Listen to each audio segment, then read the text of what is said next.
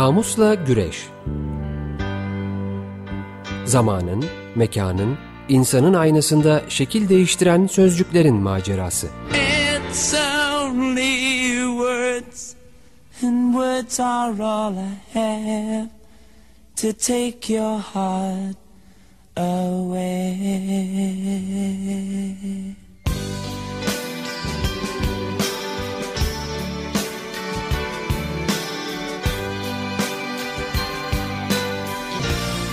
Hazırlayan ve sunanlar Didem Gürzap ve Kerem Doğan.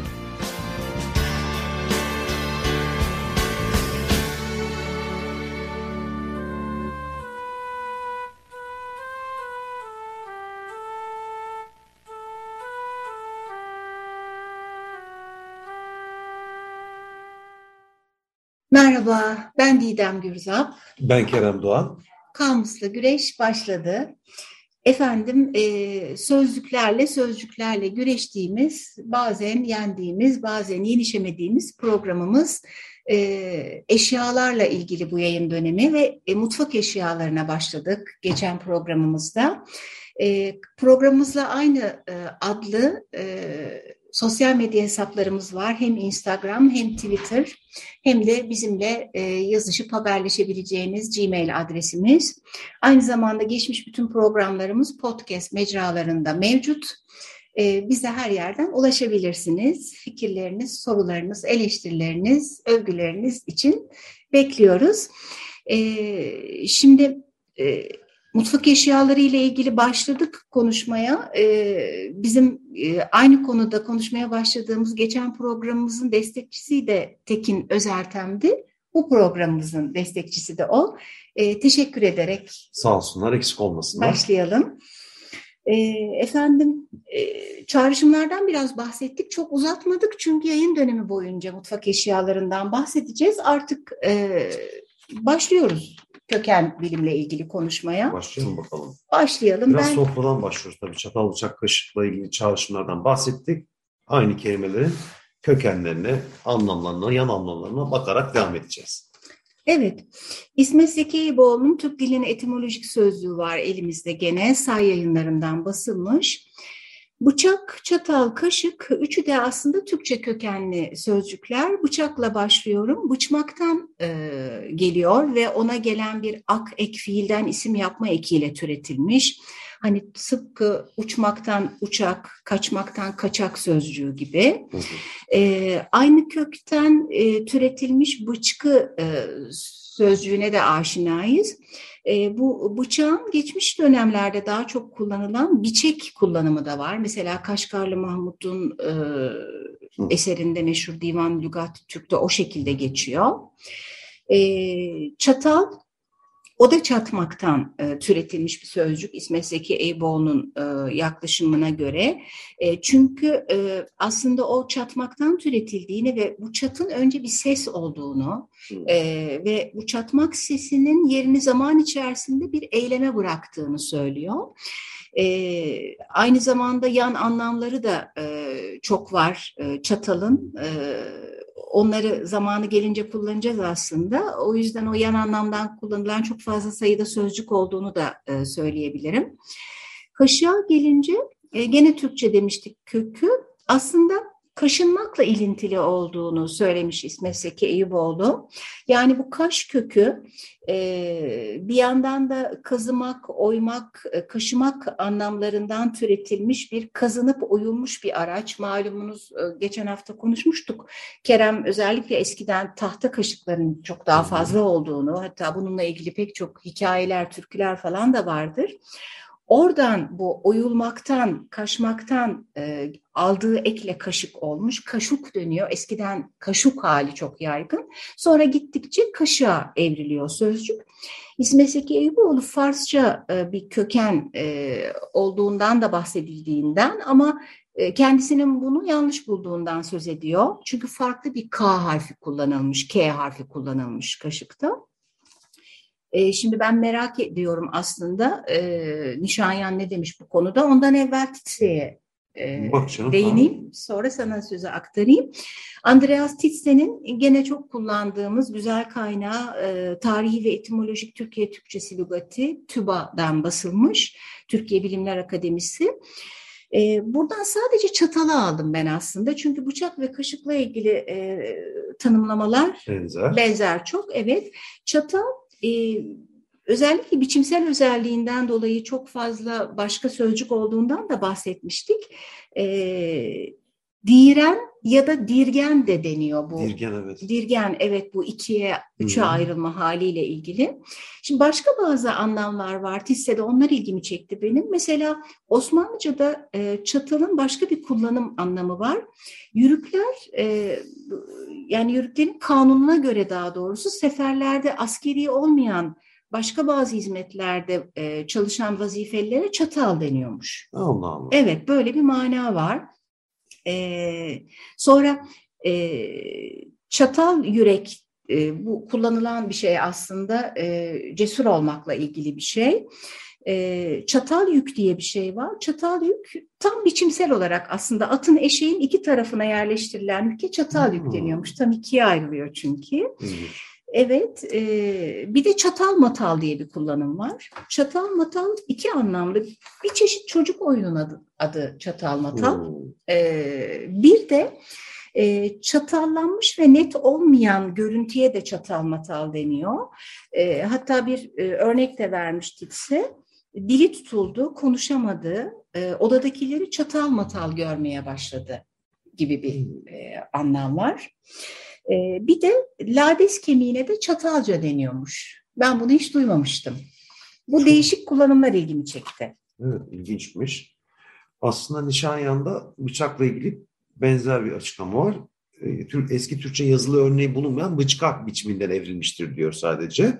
Çatal farklı çünkü Orta Türkçe çatal Y şeklinde nesne iki veya daha çok dişli tarım aracı sözcüğünden evrilmiştir diyor. Hatta Kıpçakça ve Çağatayca'da rastlanıyormuş yani aynı kelimeye.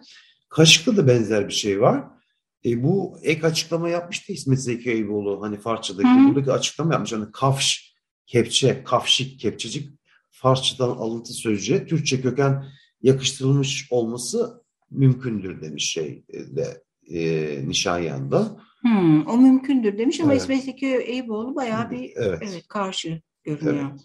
Hatta bu kaşıkla ilgili olarak oymak dediğim bu yontmak, kazmak fiili de var aslında. Hı hı. Evet. E, Bunlar var. E, Ben de istersen TDK ve Kubbaltı sözlüğe bakayım. Biraz Buyurunuz bıçak, efendim. çatal, kaşık. Bıçak işte eski Türkçe işte bıçmak biçmekten geldiğini söyledi. Kelime Farsça ve Balkan dillerine de geçmiş aynı zamanda. Hmm. Balkan dillerinde de bıçak kullanılıyor. İşte bir sap ve kesici bir madeni kısımdan meydana gelen kesme aleti yani bıçak. Bıçak artığı diye bir kullanım var. Kesilmeyen kasaplık hayvana denilmiş maalesef. Hmm. Ee, bıçak kaşığı var. Kesilmeyen ama kesilmiyor Kesilmeyen, bu. evet, evet. Hayvan için iyi bir Ee, durum. hayvan için durum. Evet. Tabii. Bıçak kaşı- kaçığı diye bir kullanım var. İşte bir hayvan e, yüzülürken bıçağın yanlış kullanılması sebebiyle deride meydana meydana gelen kesiye Hmm. bıçak kaçığı denilmiş efendim. Çatal e, üç veya dört dişli madenden yemek yeme aleti hepimizin bildiği gibi işte. E, tarihte bir kullanım var. İşte silahın icadından önce Osmanlı ordusunda kullanılan e, dışa gelen yüzlerinde hilal şeklinde yırtıcı ikişer çıkıntı bulunan çok sivri iki demir uçtan ibaret savaş aletiymiş. Hmm. Çatal böyle bir şey var. E, biz daha çok hani e, mutfağa dair baktık ama birçok anlamı var aslında çatal. Onlara bakacağız. Doğru. Çatal ağaç diye bir kullanım var. Halk ağzında abdesthane, hele anlamı var çatal ağacının. Bunu da ilk defa duydum. Çatal, ağaç, ağaç, çatal, çatal ağaç. ağaç. Evet. Ee, kaşığa baktım yine Kubbaltı sözlükte. İşte hepimizin bildiği gibi yine sulu ve taneli şeylere yemeye mahsus ağza giren kısmı genişçe ve çukurca saplı sofra aleti. İşte bu da aynı işte Bulgarca'da, Sırpça'da ve Farsça gibi komşu dillere de geçtiğinden bahsediyor yine. Ee, Hmm, Balkan ya hala. Evet tabii tabii bıçakla, kaşıkla o dillerde kullanılıyor. Kaşık düşmanı diye bir kullanım var biliyorsun. Bir Evet. erkeğe göre karısı maalesef. Ya evet o konuyu ben açacağım. Bekliyorum. Aç Ali- aç Ales'ten. Yok yok parçaya mı girsek acaba? Vakit geldi mi? Bilemedim. Kerem hep sen yapardın bunu ama ben atlayınca da erken atlamış oluyorum Evet parçaya. erken atladım. Biraz, biraz devam edeyim ondan sonra girelim istersen. Ya kaşık düşmanıyla ilgili ben aslında şey e, yani hikayesini de okuyacağım. Ya Şöyle bir şey var. Hikaye biraz e, algıladığımız anlamı hafifletiyor.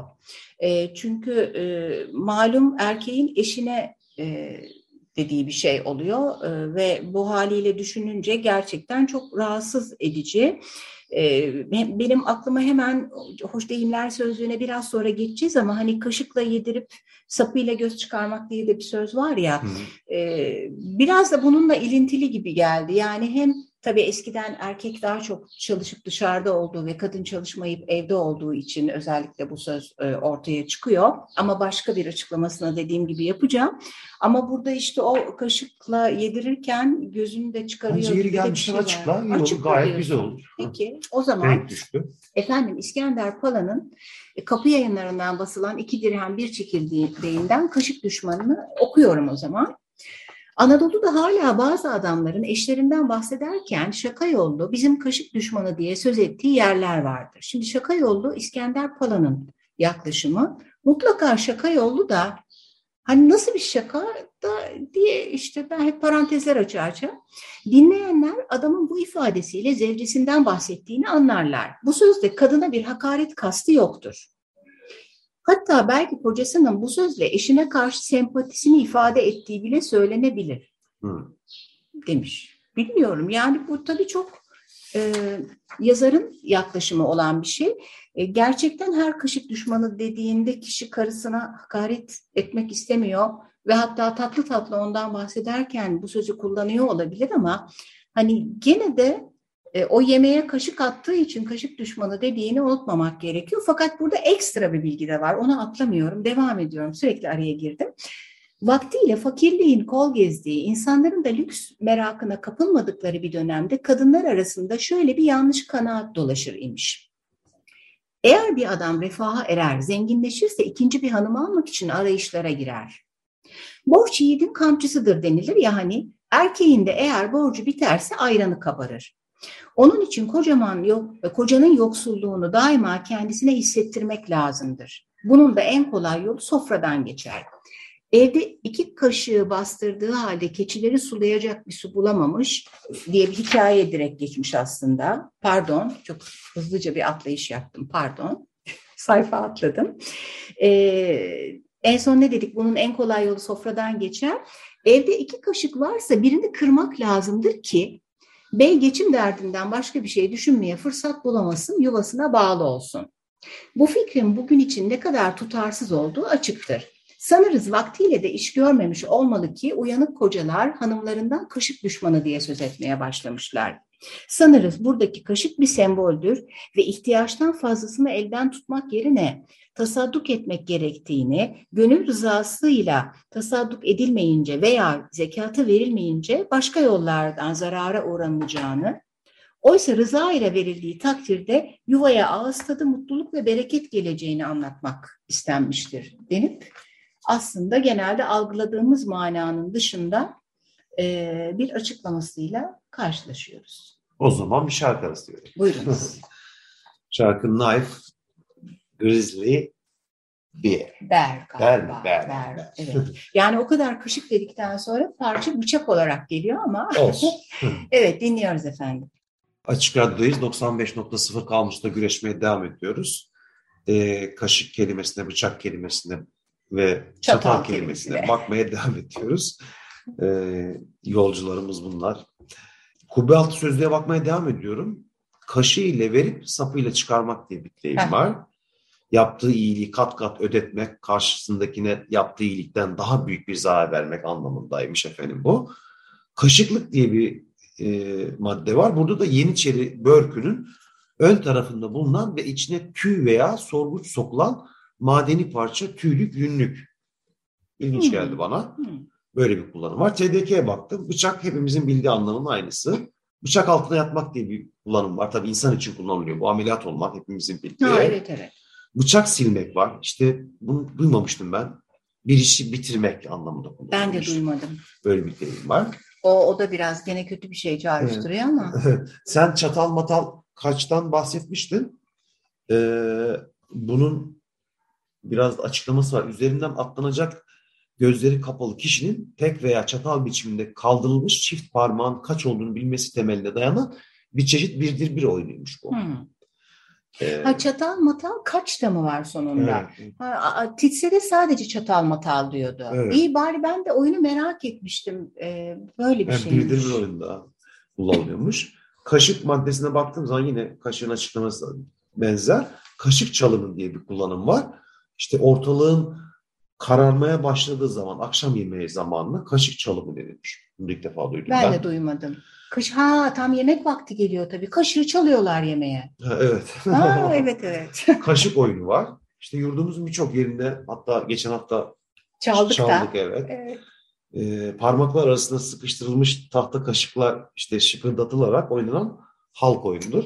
Evet. Pek ee, güzel oynar bazıları. Evet.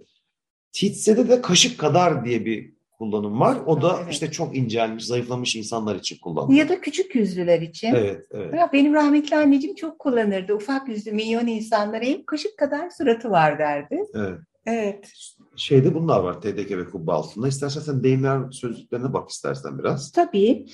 Efendim e, Ömer Asım Aksoy'un İnkılap yayınlarından basılmış deyimler sözlüğü. Keza hemen sonrasında da aynı yayın evinden gene atasözleri sözlüğünden birkaç şey seçtim. E, birkaç tanesi Kerem'le aynı o yüzden hiç o, girişmiyoruz onlara. E, ben çatal kazık seçtim mesela. E, tutumları birbirine benzemediği için işin yürümesine engel olan e, eğer söz sahipleri varsa bir işin başında Buna çatal kazık deniyormuş. Aslında tam da şey hani çatallanıyor. İki tane baş var işi Hı-hı. yürüten. İkisi de ayrı şeyler söylüyorlar. O yüzden işin yürümesi e, güçleşiyor. Yani tutulan yol ayrı oluyor. Anneciğim çok e, kullanır. Öyle mi? Ha, evet ben o kadar yaygın olarak duymamıştım bak çatal kazık. E, bugün siyasette de çok örneğini görüyoruz ama bir yandan da şöyle bir şey de var. Yani olaya bakışla da ilgili bir şey. Aslında tutulan yolla ilgili birbirine benzemez fikir sahibi olmakta bir tür demokrasi de var. Yani Tabii. fikir zıtlığı, zıtlığından doğan e, bir senteze varılabilir. Ama biz sentez yerine tek bir kişi söylesin atsın, kestirip atsıncı bir kültür olduğumuz için böyle duruma çatal kazık denmiş gibi de düşündüm ben. Evet doğru düşünmüşsün güzel. E, çatal yürekten Demin bahsetmiştik sanki. Bahsetmiş, evet, korkusuz. korkusuz insanlar için kullanılıyor Doğru. Bir de e, kaşık atma ya da kaşık çalmada iştahla yemek e, hmm, kaşık anlamına çalmak, evet. e, deniyormuş. E, atasözlerine geçiyorum. E, atasözlerinde e, bıçağı kestiren kendi suyu, insanı sevdiren kendi huyu diye bir atasözü var. Hmm. Hep de böyle çok seviyorlar kafiyeli kafiyeli şeyleri. Burada aslında önce bıçağın yapılışı ile ilgili bir bilgiyi vermek gerekiyor. Yani bıçak çeliğine iyi su verildiği zaman daha iyi kesiyormuş. Bundan yola çıkarak da bir kimsenin ya da şeyin değeri de kendinde aranan özel nitelikle birlikte artıyor anlamında bir söz bu. Sonra e, bıçak yarası geçer, söz yarası geçmez. E, burada çok kullanılır. Aslında çok adı üstünde açıklamaya gerek yok. Bu e, geçerlerin yerine e, onulur ya da onulmaz kullanımı da var. Evet. Bıçak yarası onulur, söz yarası onulmaz e, adı üstünde. E, deyimlerde öğrendiğimiz bu çatal kazı içinde kullanan bir atasözü var. Çatal kazık yere batmaz ya da yere geçmez diye bir atasözü. Hı. Bu da gene e, benzer bir biçimde birden çok kimsenin söz sahibi olduğu iş yürümez manasında. Hı. Ama gerçekten bayağı kültürel bir deyim ya da atasözü olduğunu düşündürdü bana bu. Ee, sonra her ikisi de pilavdan e, türetilmiş olan e, pilavdan dönenin kaşığı kırılsın evet. yahut da pilavdan dönen kaşığın sapı kırılsın hmm. kullanımı var. Bu da e, insan e, çıkarını gözetmelidir. Eğer çıkarını gözetmiyorsa ya da kendisi için faydalı olan şeyin farkında değilse ondan ne hayır gelir manası. Bir mana daha var. Bir görev için eğer e, elde bulundurulan araç bir iş yapmıyorsa varlığıyla yokluğu birdir, bir işe yaramaz Evet, manasına geliyormuş. Son olarak da e, pilav yiyen kaşığını yanında taşır ya da Hmm. belinde taşır e, sözü var. Bunu pilav dışında aşure yemeye giden, canı kaymak isteyen, zemheride yoğurt isteyen gibi e, girişleri de varmış. Daha çok pilav yiyen kısmına alışız. Bunu da babacığım çok kullanırdı. Bir şey yapmak ya da bir şeyden yararlanmak isteyen bunun için gerekli olan aracı da elinde bulundurmalıdır. Bulunursun efendim. Ağzına sağlık çok geliyor. güzelmiş. Böyle. Argo sözlüğüne baktım yine Hulki Aktunç'un Yapı Kredi yayınlarından. Çatal atmak diye bir başlık var. Bu karışmak, burnunu sokmak anlamı varmış efendim. Bıçak oynatmak Hmm. var. İşte bıçak, kama, sustalı ve bunun gibi araçlarla birisine saldırmak ya da kendisini savunmak, bıçak oynatmak. Hmm. Evet. Bir de böyle bıçak atılır kadınlara sirkte. Filmlerde gördüm. Kadınlara mı sadece? Ve ben maalesef ben öyle gördüm daha çok. Yani kadını da bir şey objesi olarak. gördüm. Erkek atıyor ha gördün mü? Kadın orada duruyor çaresizce gibi. Evet pardon. Ee, yine devam ediyorum argo sözlüğüne. İşte bıçağı, kamayı, işte bu kesici aletleri çok iyi kullanan kabadayıya ne denir efendim? Santimci denilmiş mesela. Vay Santim, santim. yani mi? santimine dikkat Vay. ederek evet yerlerini herhalde işte artık şişliyor falan neyse. Bıçağı karnına saplamak işte göbeğinden işitmek anlamı varmış. Ne yapmak? Aha, İş aa, etmek. evet, evet. Ee, çori diye bir sözcük var. İşte bu Karagözcü argosundaymış bu. Bu da çok ilginç bir şey. Ee, Karagözcü argosunda bıçak manasına gelen bir kelimeymiş. Bu Çingene dilinde kullanılıp kullanılmadığına dair bir emin bir bilgi yok. Karagözcü argosu derken Bak- yani mesela bildiğimiz karagözü de- deriden özellikle deve derisinden yapıyorlar. Onu Aynen, kesmek için kullanılan bıçak gibi bir bıçak mı? Yok, Karagözcü arna, ar, argosuna. Karagözcü argos diye bir Tamam ama Evet. bu karagözcü derken ben aklıma karagöz oynatanların Aynen argosu evet. geldi. Evet evet evet. O, bıçak- orada orada bir kullanılan bir argo argo şey kelimeler var. Orada bıçak manasına gelen bir kelimeymiş. Şöyle ha, ha, tamam. Evet. Ee, bıçak aynı zamanda emanet falçata olarak da argoda geçiyor. Emanet kelimesinin karşılığı olarak işte bıçak deniyor. Falçata Hmm, bıçak. hmm. Bıçak, kama gibi araçlarla yaralamak, öldürmek anlamında çivilemek, mıhlamak kullanılıyor. Ha, evet. Yine bıçakla böğründen yaralama işi için ciğerini almak deniliyormuş efendim. Doğru. Biraz seyircilerimizin Bu evet biraz sert bir noktaya sert doğru gidiyoruz. bıçaklanmak, deldirmek, işte bıçaklamak yine şişirmek, işte bıçak vesaire gibi araçlarla yaralamak için kakalamak kullanılıyor. Bıçak ya da kurşun yarası almak için de e, almanın açıklamasında da postu deldirmek Aa evet. evet, e, kullanılıyor. O bayağı bir yaygın. Hatta evet postu deldirmek. Da- daha böyle başka mecazi bir anlam görünmüyor öyle mi? Sadece gerçekten bıçak yarısı almak mı? Evet, Hmm, evet. bıçak ya da kurşun yarası almak. Kurşun tamam. Evet, kurşun yarası postu deldirmek. Evet, argo sözlükleri devam edecek. Haftaya devam edelim. Çünkü zamanımız doldu. Evet. Ee, daha var çok. Çatal, daha, bıçak, evet. kaşıkla çok işimiz var. Evet, işimiz çok. Haftaya görüşmek üzere diyelim. İyi Sevgili haftalar. dinleyicilerimiz iyi haftalar. Hoşçakalın.